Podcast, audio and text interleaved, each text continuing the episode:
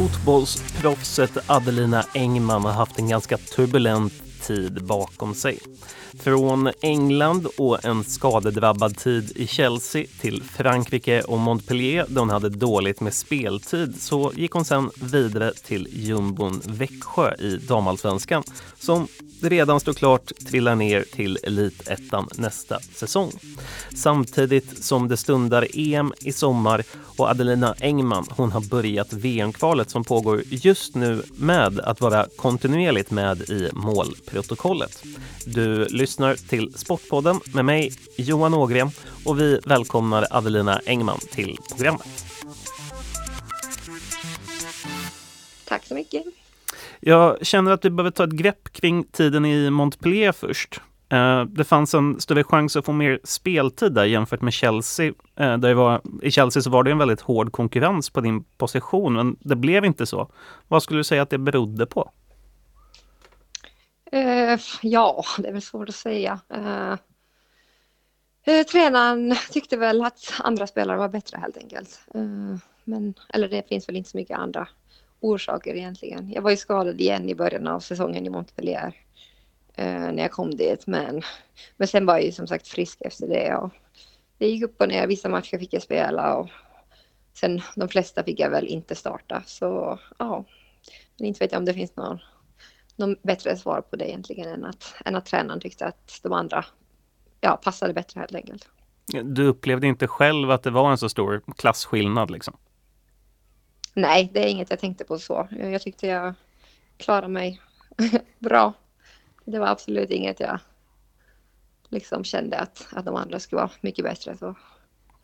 Du får ju uppleva eh, coronapandemin under din tid i Frankrike. Hur, hur såg restriktioner och så ut?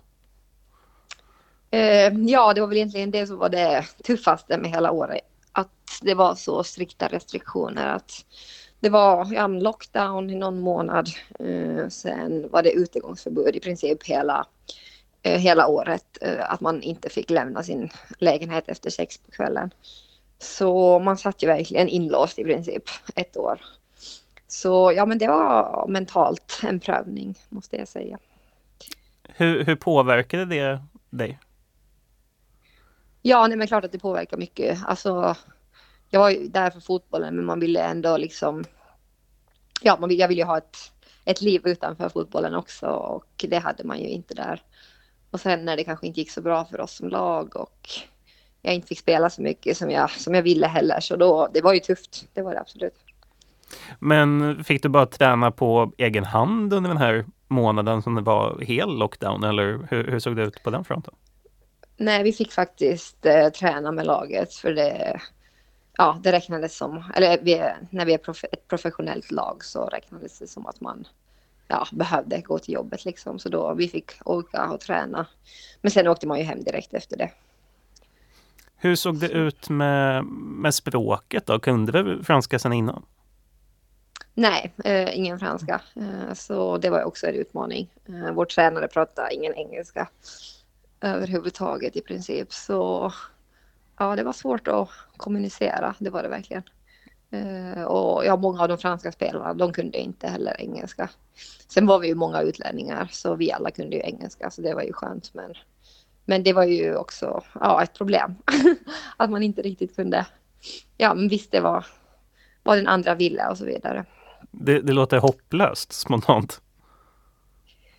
Ja, nej men det var absolut en utmaning. Jag kunde som sagt ingen franska innan jag flyttade dit. Mm, så ja, det var, det var svårt. det var det absolut. Men kan du fotbollsfranska nu då? Ja, alltså jag har väl lärt mig lite grunderna och sådär men alltså jag kan ju liksom inte, jag förstår kanske mer men jag kan liksom inte säga någonting i princip så det är fortfarande väldigt basic.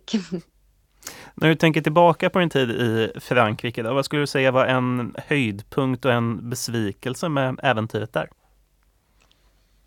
Uh, ja, nej men när jag kom dit under sommaren så då var ju allt allt bra liksom. Det var ju, allt var, ja, alltså samhället var öppet liksom och man kunde, kunde göra saker. Det var ju ja, en väldigt fin, fin stad och fina ställen där i närheten. Så sommaren var ändå rolig då. då kändes det som att ja, men, livet lekte, liksom, att fotbollen kändes ändå bra och, och ja, eh, det var bra annars också utanför fotbollen. Eh, men sen en besvikelse, ja det är väl egentligen en kombination av, av allting, alltså just coronapandemin. att, att man liksom verkligen satt inlåst och sen just att det gick dåligt för laget. Vi hade ju som mål att liksom ta en Champions League-plats, men sen hamnade vi ja, i mitten av tabellen till slut. Och sen fick jag inte spela så mycket som jag ville, så det var väl egentligen en kombination av de sakerna. Ja, du är ju omkring ett år då i, i Montpellier och efter det här året så skriver du på för eh, Växjö DFF som var i en tuff situation mitt i säsongen i damallsvenskan. Vem kontaktade mm. vem? Uh, nej, det var egentligen, alltså min, min agent har ju kontakt med olika klubbar och sådär och sen, sen pratade jag med uh, Emmy Allanen som jag spelar med i landslaget, så hon spelar ju här också. Uh, och då, då lät det ändå som ett, som ett bra alternativ nu, ett halvår liksom, att komma hit och flytta tillbaka till Sverige och få den tryggheten liksom och sen samtidigt få mycket speltid och, och sådär. Så ja, det var väl så det gick till. När på säsongen slog tanken det att du skulle leta dig vidare? Alltså jag hade fortfarande ett års kontrakt eh, kvar med Montpellier. Så... Men vi förde ju diskussioner under våren. Liksom. Eh, och jag var väl ändå ganska tydlig med att jag, att jag gärna ville liksom, bort därifrån. Eh, ja, så det var väl så. Vad var spiken i kistan? Nej, det var inget speciellt. Uh, utan det var bara att jag, jag var trött på att sitta inlåst i min lägenhet liksom. Och mm. att jag ville, ja, det kändes ändå som de som de bodde i Sverige hade ett ganska normalt liv trots det här med corona och så där. Jag kände att jag behövde ja, men ha ett liv utanför fotbollen också liksom. Och sen ville jag, jag såklart spela, spela mera matcher och sånt. Men när du säger att du ville ha ett liv utanför fotbollen, vad, vad inkluderar det? ja, men just att man åtminstone kan liksom träffa människor och gå, ja, men gå ute och göra saker och inte bara komma hem efter träningen och sitta, sätta sig på soffan och så sitter man inlåst där resten av dagen. Uh, så det var väl främst det, att jag kände att jag, det är liksom inget för mig. Är det stor skillnad rent eh, lönemässigt mellan Frankrike och Sverige skulle du säga? Uh, ja, alltså de europeiska ligorna, de är ju före. Det är de absolut. Eh, så det finns skillnader. Alltså är den jättestor eller? Eh, ja, inte vet jag exakt hur jag ska definiera det, men alltså ja, alltså absolut att det är en, det är en betydlig skillnad skulle jag säga. Sen eh, du anslöt till Växjö så har laget spelat nio matcher i damallsvenskan och skramlat ihop eh, åtta poäng. Och det är en klar förbättring jämfört med de fyra pinnar som man fått ihop på säsongens första tolv matcher. vad, vad skulle du säga är bakgrunden till att ni inte klarar av kontraktet? Eh, ja, alltså jag tycker vi spelar ju jämnt mot de flesta lagen. Förlorar ofta med ett mål eller sådär. Eh, så det, men främsta problemet under säsongen kanske varit att vi inte gör tillräckligt mycket mål.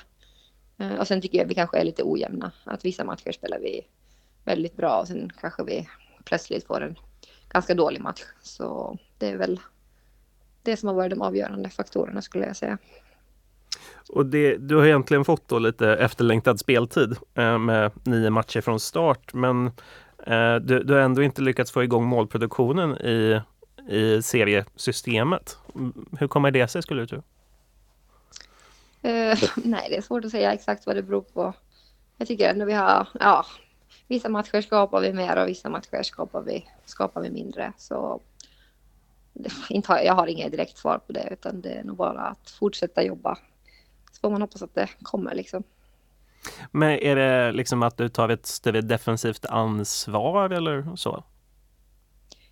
Nej, men alltså laget har ju haft problem med målskytte hela säsongen och det är liksom inte, inte bara jag. Det är, väl, det är väl någonting i vårt spel som gör att vi kanske inte ja, skapar tillräckligt mycket chanser för att göra mål. Men det är svårt att sätta fingret på det liksom. Hur är skillnaden i spelstil mellan Sverige och Uh, ja, men överlag tycker jag väl att man här uppe i Norden är mer taktiskt duktiga. Eh, Frankrike är kanske tekniskare. Eh, men ja, det är väl kanske taktiken som skiljer lite. Man lägger alltså mer fokus på att förbereda sig för motståndarna och så också då eller? Ja, bland annat. Och sen har man en klart definierad taktik hur, hur laget vill spela liksom och alla vet, vet sina roller till exempel. Eh, du har ju fått nio matcher från start. Vad, vad betyder det för dig och ditt självförtroende? Uh, nej, men det är ju kul att spela matcher. Alltså det är ju, ja, det är därför man spelar fotboll, för att man vill, vill spela matcher liksom. Så klart att det är viktigt.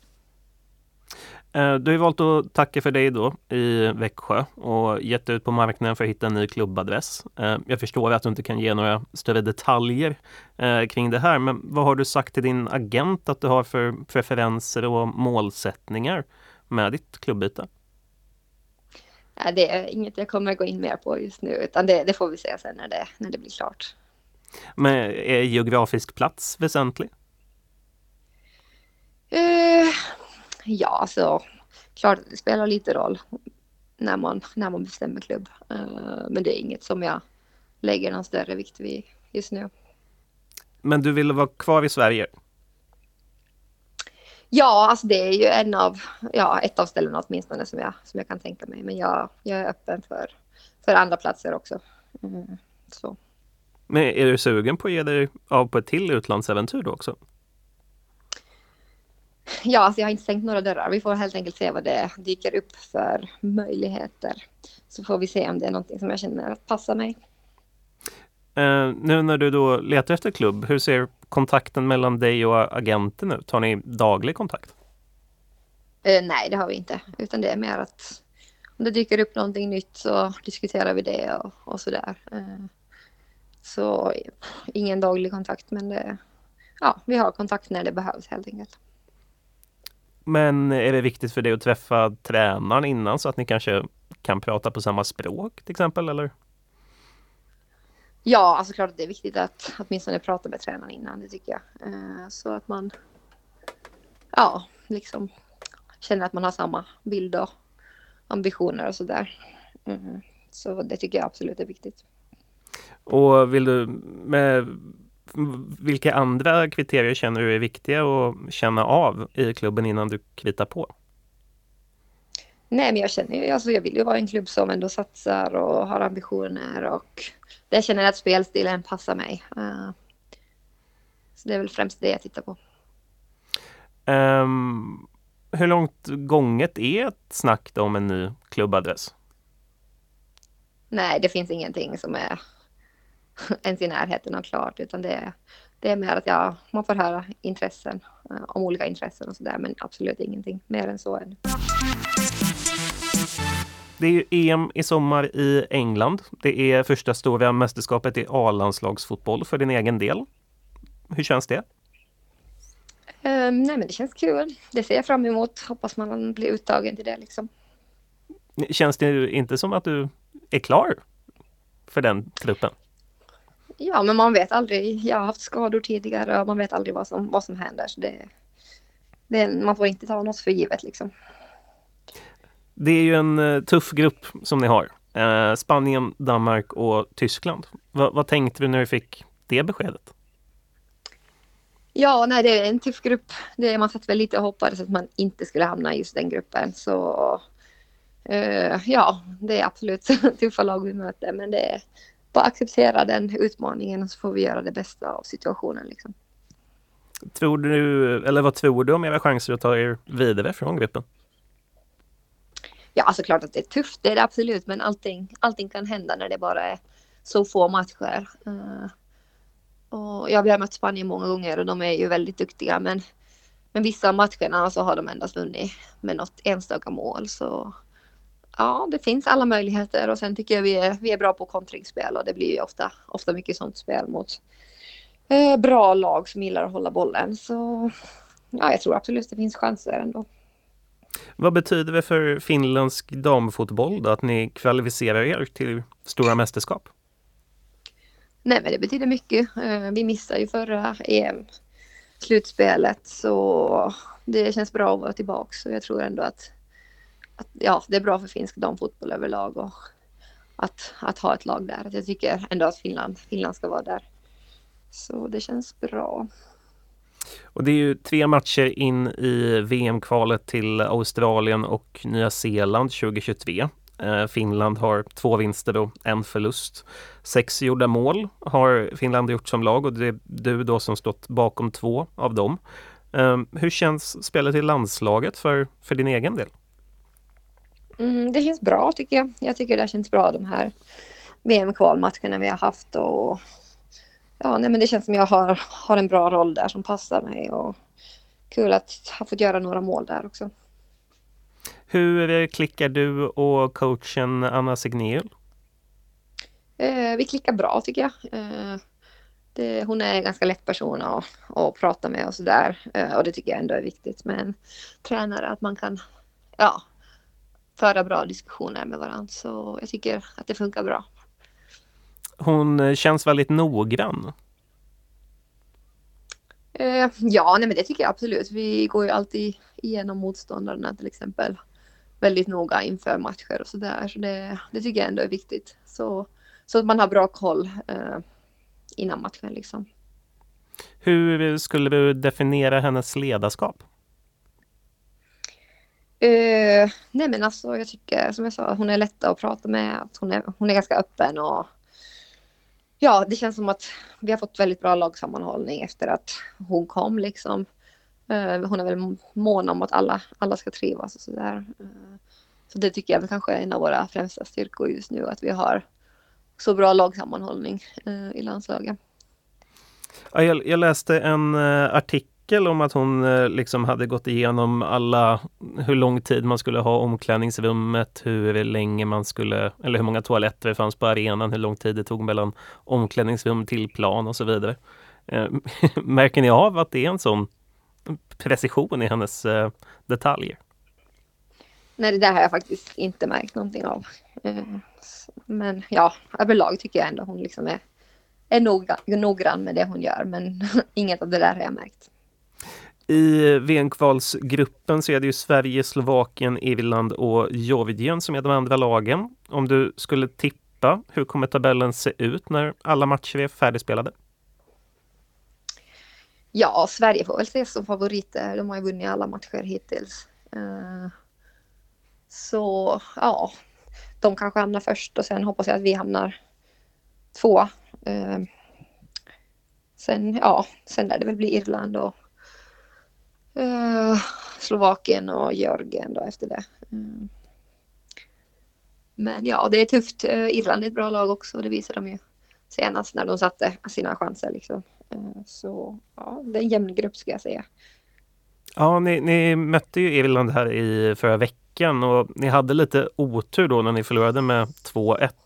Eh, målvakten Tinja Korpela, hon hade ju händerna på båda bollarna som hamnade i nät.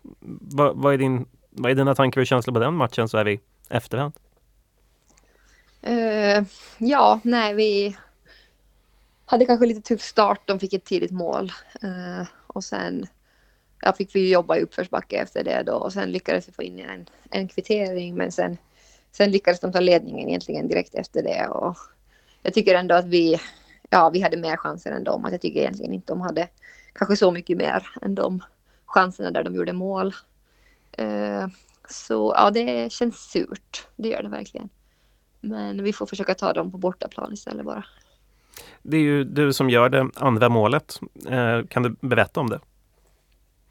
Eh, ja, jag fick bollen på kanten och sen spelade jag en kombination då med vår ytterback Tuija Hyrynen och sen slog hon ett inlägg till mig. och då var jag ganska fri där framför mål så ja, det var, det var ett fint mål tycker jag. En bra kombination av oss. Jo, verkligen. Du tvåfotar är snyggt förbi, måste jag säga. Ja, eh, tack. men är Irland ett lag som ni ska slå en vanlig dag, tycker du?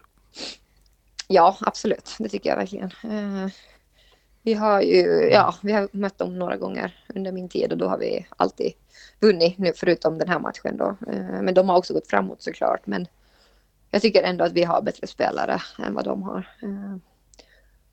Ja, så det, det är absolut målet att, att slå dem. Liksom. Men hur kom det sig att ni inte lyckades vinna den här matchen då? Nej, men som jag sa, så de satte sina chanser och ja, vi, vi gjorde inte det liksom. Eller ja, vi släppte kanske in några lite lätta mål och sen skapade vi kanske inte tillräckligt farliga chanser då för att för att göra tillräckligt många mål för att slå dem. Så ja, det är små detaljer som avgör. Det är ju eh, nya kvalmatcher här. Nästa är den 25 november. Eh, då möter ni Sverige i ett nordiskt derby. Vad, vad, skulle du säga behövs för att ni ska besegra dem här i nästa match?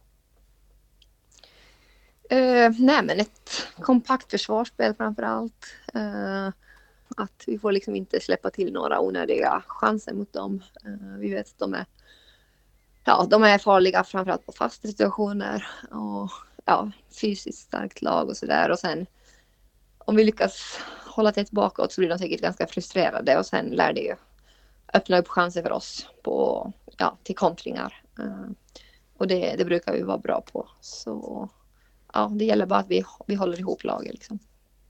Och så har vi kontringsglad fotboll att vänta då den 25 november. Ja, absolut. Åtminstone från vår sida. Det här, det var Sportpodden med mig, Johan Ågren.